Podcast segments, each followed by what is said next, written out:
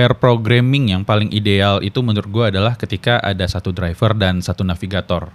Driver tugasnya nulis codingan dan navigator ngasih tahu apa yang mesti ditulis atau ngasih tahu ketika ada yang salah.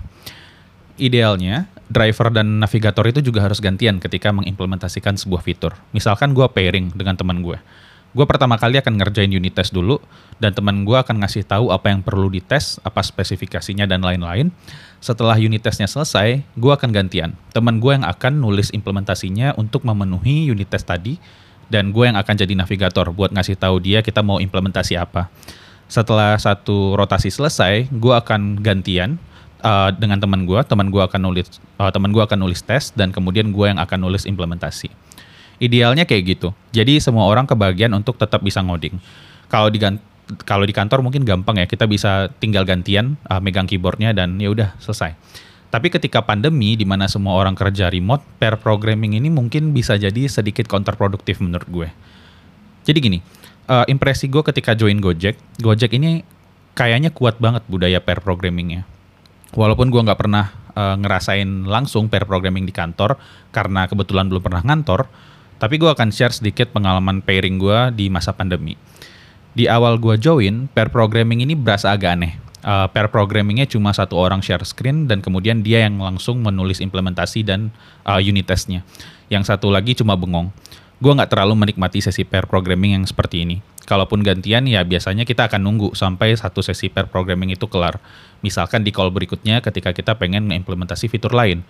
Dan menurut gue ini ngebosenin banget untuk navigatornya karena menunggu satu atau dua jam atau bahkan lebih untuk ngeliatin doang itu menurut gue nggak nggak banget lah. Uh, terus solusinya seperti apa? Sebenarnya solusinya sederhana. Solusinya adalah dengan memilih tools yang tepat. Di awal-awal karena gue suka pakai VS Code dan waktu itu gue propose untuk pair programming dengan menggunakan VS Code Live Share supaya dua-duanya bisa gantian ngoding. Tapi masalahnya VS Code Live Share ini bagi kadang codingannya bisa malah jadi berantakan kalau settingan VS Code di dua komputer itu beda. Misalkan mungkin karena ada yang pakai Vim binding di VS Code-nya dan ini uh, malah ngerusak experience. Padahal kalau nggak bagi, sebenarnya ini bagus banget karena orang bisa gantian nulis tes dan implementasi dan bisa produktif dua-duanya ketika pair programming. Tapi makin ke sini terus terang gue nggak suka lagi pakai VS Code karena udah pakai Golang.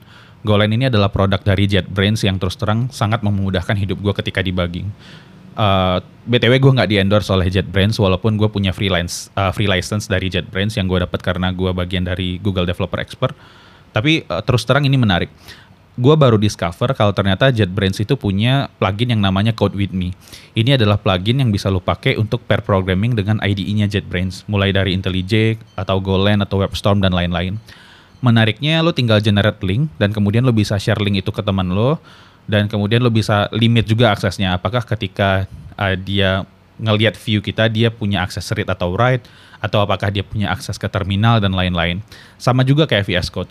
Tapi gua rasa ini menguntungkan banget karena fitur debugging JetBrains jauh lebih bagus daripada VS Code. Walaupun sebenarnya nggak comparable juga ya karena JetBrains produk berbayar VS Code produk gratis. Caveatnya dari JetBrains ini gua rasa cuma satu yaitu karena berbayar Uh, tapi setahu gue ada community edition, tapi gue nggak tahu apakah Code with Me ini available untuk JetBrains yang community version atau enggak. Jadi sebenarnya dengan tool seperti ini lo tetap bisa gantian antara nulis unit test dan implementasi. Lo juga bisa mungkin uh, mencoba untuk disiplin untuk selalu komit di setiap uh, selesai mengerjakan unit test dan implementasi. Uh, mungkin lo bisa juga utilize tools-tools yang uh, menarik atau tools yang bisa dipakai untuk mengautomasi nulis commit co-author di Git message uh, mungkin lo bisa pakai sesuatu yang namanya XP. Uh, lo bisa download langsung dari GitHub repo-nya Gojek, namanya github.com slash gojek slash XP. XP. Ini salah satu tools yang sering banget gue pakai untuk mengotomasi gimana caranya biar co-author ketika kita pair programming itu tetap bisa otomatis ke tulis di commit message-nya. Karena menurut gue ini penting. Walaupun lo ngelakuin pair programming dan lo yang nge-commit, lo tetap mesti nge-acknowledge kontribusi dari pair lo ketika uh, lo bikin sebuah commitan. Jadi kira-kira itu aja. Terima kasih udah dengerin. Mudah-mudahan bermanfaat untuk membantu pair programming kalian.